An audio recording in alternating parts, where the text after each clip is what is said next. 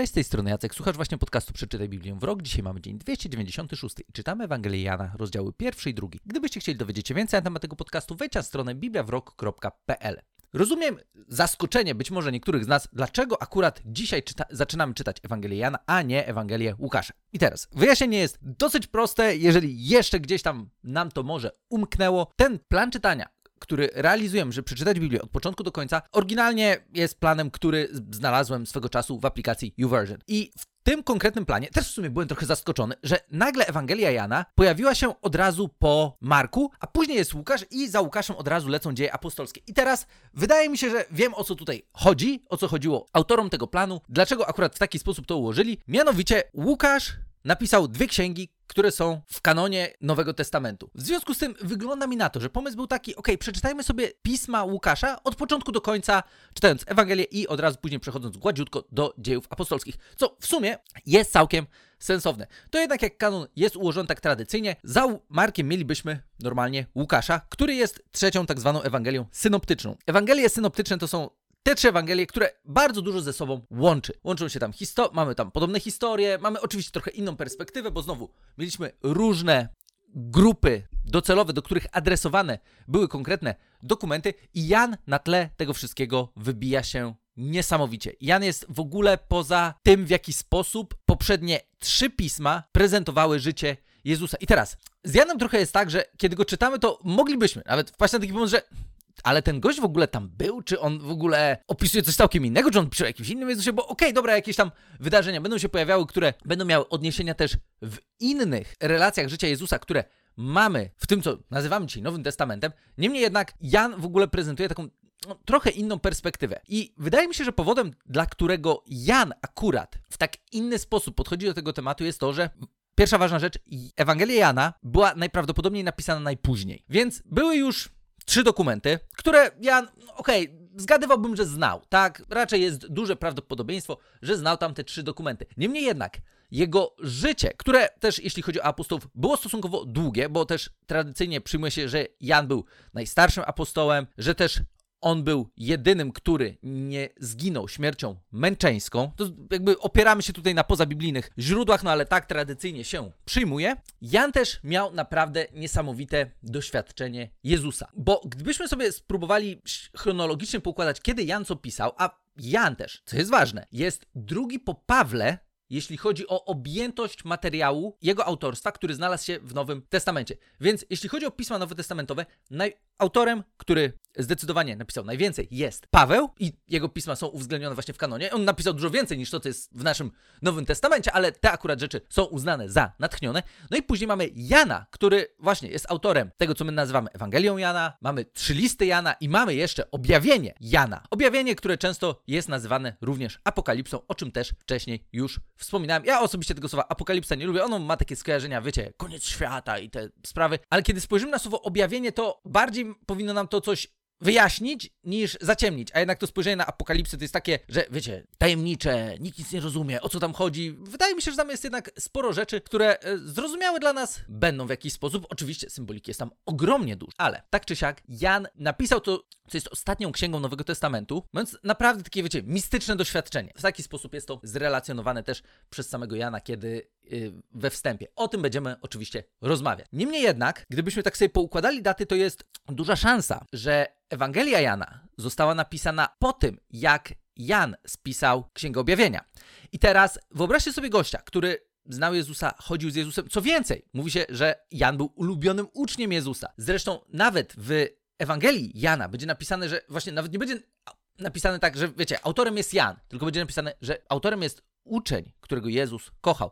Bo zdecydowanie między Jezusem a Janem była naprawdę taka wyjątkowa relacja. Może dlatego, że był najmłodszy, może dlatego, że nie wiem, był, był miłym gościem i wiecie, to tak czasami jest, że są osoby, z którymi mamy lepszy klimat niż z innymi. Tutaj był młody, który prawdopodobnie jak gąbka chłonął wszystko, czego uczył ich Jezus. To w jaki sposób Jezus żył, funkcjonował, z nim byli na każdym kroku, więc ta relacja zdecydowanie no, była trochę inna niż z innymi uczniami. Co też będziemy widzieć właśnie chociażby w relacji Jana, więc on znał Jezusa w taki sposób fizyczny. Jezus był tutaj na ziemi, Jan był jego uczniem i miał okazję naprawdę być blisko Jezusa, zobaczyć rzeczy też, których inni nie widzieli, jak chociażby historia na Górze Przemienienia, o której rozmawialiśmy stosunkowo niedawno. Między innymi Jan był jednym z trzech uczniów, których Jezus tam zabrał. No ale jednak, Jan później jeszcze długo, długo żył. Tradycyjnie uważa się, że pod koniec swojego życia mieszkał w Efezie. No i przez ten cały czas on doświadczał Jezusa, żył z Jezusem, realizował tą swoją drogę wiary, do której został powołany, no i też miał bardzo wyjątkowe objawienie. I dlatego, kiedy będziemy czytać Ewangelię Jana, to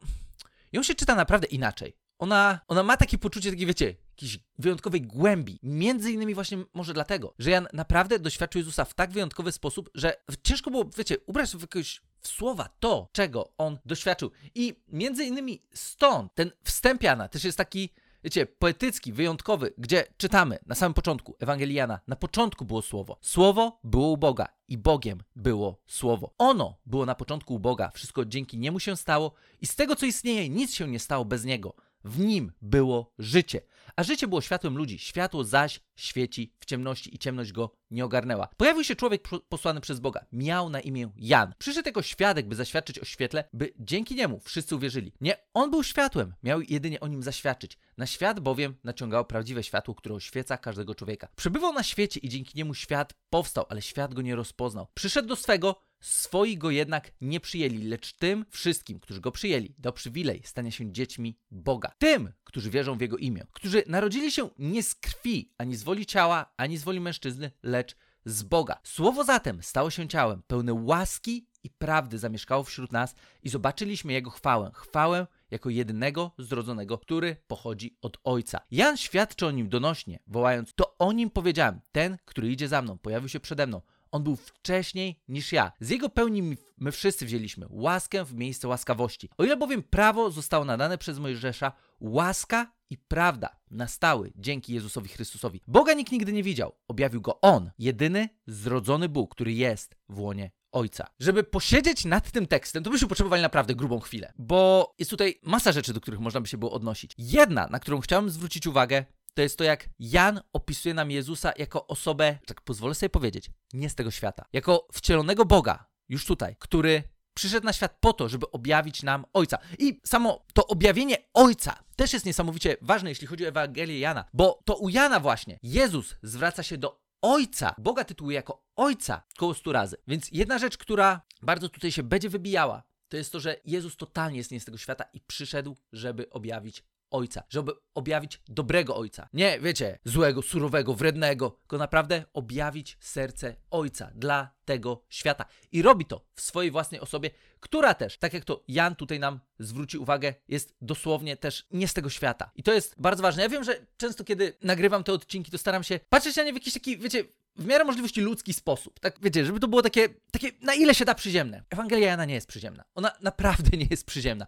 Nie da się czytać Ewangelii Jana na zasadzie, a popatrzmy sobie tylko na taką, wiecie, naszą ludzką rzeczywistość i spróbujmy to, co tutaj czytamy, odnieść do naszej ludzkiej rzeczywistości. W sensie odnieść możemy, ale to odniesienie będzie zawsze dotykać w jakiś sposób wieczności. Tego, co powinno być źródłem naszego życia. Jako lekkie uzupełnienie też właśnie tego klimatu, chciałbym przeczytać początek pierwszego listu Jana, który też jakby so, sądzę, że złapiecie klimat. Brzmi następująco. Ogłaszamy wam to, co było od początku, o czym usłyszeliśmy, co zobaczyliśmy na własne oczy, czemu się przyglądaliśmy i czego dotknęły nasze ręce, a co odnosi się do słowa życia. Życie bowiem zostało objawione. Poświadczamy to jako naoczni świadkowie i przynosimy wam wieść o tym życiu wiecznym. Było ono u Ojca, lecz zostało nam objawione. To zatem, co zobaczyliśmy i o czym usłyszeliśmy, przekazujemy wam, abyście mogli wraz z nami tworzyć jedną wspólnotę. A ta wspólnota oznacza więź z Ojcem i z Jego Synem Jezusem Chrystusem. Piszemy wam o tym, aby nasza radość mogła stać się pełna. Jan opisuje bardzo wyraźnie Jezusa jako tego, który daje życie, jako tego, który daje życie wieczne.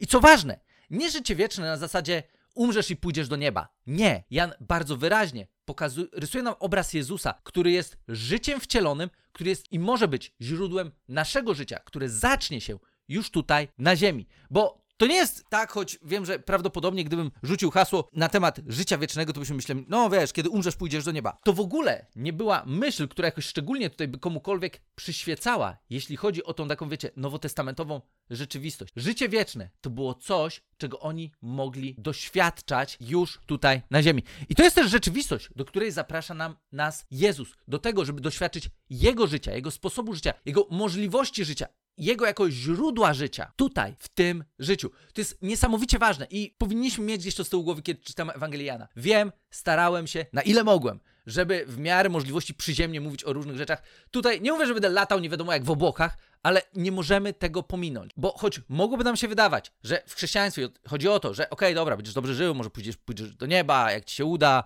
jak tamkolwiek, to tutaj widzimy jedną ważną prawdę. Życie zaczyna się tutaj. Nowe życie zaczyna się tutaj na ziemi. I w piątym rozdziale Ewangelii Jana, to będzie nieco później, przeczytamy następujące słowa samego Jezusa. Ręczę i zapewniam, kto słucha mego słowa i wierzy temu, który mnie posłał, ma życie wieczne i nie czeka go sąd, ale przeszedł ze śmierci do życia. Nie przejdzie, nie przejdzie kiedyś, wiecie, kiedy umrzesz, to później będziesz miał życie. Nie, ten, kto słucha słowa i wierzy temu, który posłał Jezusa, ma życie wieczne i nie czeka go sąd, ale przeszedł ze śmierci do życia. My już teraz, tutaj na ziemi, możemy przejść ze śmierci do życia. Możemy zrobić ten krok wiary, w ramach którego zaufamy Jezusowi, powierzymy Jemu swoje życie w, taki, wiecie, w takim akcie wiary, w ramach którego powiem, Boże, chcę, żebyś Ty nadał kierunek mojemu życiu. Jezu, chcę, żebyś Ty był moim Panem. I to jest początek naszej drogi wieczności. Tego, że możemy doświadczać życia z innego świata. Trochę tak jak Jan to tutaj opisuje. W tym życiu, tutaj na ziemi. Taki obraz Jezusa będzie nam rysował Jan przez całą swoją Ewangelię. Ale to też jest obraz Jezusa, którego doświadczali jego pierwsi uczniowie. Jezusa, który wciąż był żywy. My niestety mamy często tak, że wiecie, nie byśmy powiedzieli, dobra, Jezus żyje, tak? No ale czy jego życie widać w moim życiu? Bo jeżeli żyje, to w jaki sposób się objawia, a objawia się najbardziej przez to, jak żyją jego uczniowie. I jego uczniowie powinni żyć życiem, które wypływa z innego miejsca niż ten świat, nasze ludzkie możliwości. O tym będziemy czytać w Ewangelii Jana, to będziemy u Jana odkrywać i mam nadzieję, że dla każdego z nas będzie to naprawdę wyjątkowa lektura. Tym bardziej, że właśnie Ewangelia Jana też jest dla osób, które dopiero odkrywają drogę wiary, pierwszą Ewangelią, którą się poleca. Zazwyczaj jest tak, jak masz od czegoś zacząć czytać Biblię, to zacznij czytać od Ewangelii Jana. Więc będziemy czytać teraz Ewangelię Jana, mając też to na uwadze, że z jakiegoś powodu ludzie mówią, że to jest świetna Ewangelia, od której można by było zacząć. Mając cztery do wyboru, poleca się bardzo często właśnie Jana. Dlaczego? O tym też Jan nam napisze. Co prawda pod koniec, ale pod koniec on bardzo wyraźnie wyjaśni nam, dlaczego napisał ten dokument, który my dzisiaj znamy jako Ewangelię Jana, gdzie w rozdziale 20, wersety 30 i 31 jest napisany tak naprawdę cel, dosyć późno, ale jest napisany cel, dla którego Jan napisał swoją relację życia Jezusa. Jest napisane tak, wielu też innych znaków dokonał Jezus wobec swoich uczniów, nie zostały one opisane w tej księdze. Te natomiast zostały opisane po to, abyście wierzyli, że Jezus jest Chrystusem, Synem Boga i abyście wierząc mieli życie w Jego imieniu. Być może słuchasz tego podcastu, być może czytasz Biblię i gdzieś łapiesz ten taki klimat, że okej, okay, dobra, Biblia się klei. Mam nadzieję, i moją też, pozwolę sobie powiedzieć, modlitwą jest to, żeby Ewangelia Jana była tym miejscem, w którym my naprawdę zaczniemy doświadczać życia. Zaczniemy doświadczać nowej jakości życia. Życia, które Bóg przygotował dla każdego z nas już tutaj na ziemi, które będzie miało swoją kontynuację wieczności. Tyle z mojej strony na dzisiaj. Gdybyście chcieli dowiedzieć się czegoś więcej, mieli jakieś pytania, możecie wejść na stronę bibliawrok.pl bądź możecie też do mnie napisać na adres jacekmałpa bibliawrok.pl i do usłyszenia w kolejnym odcinku.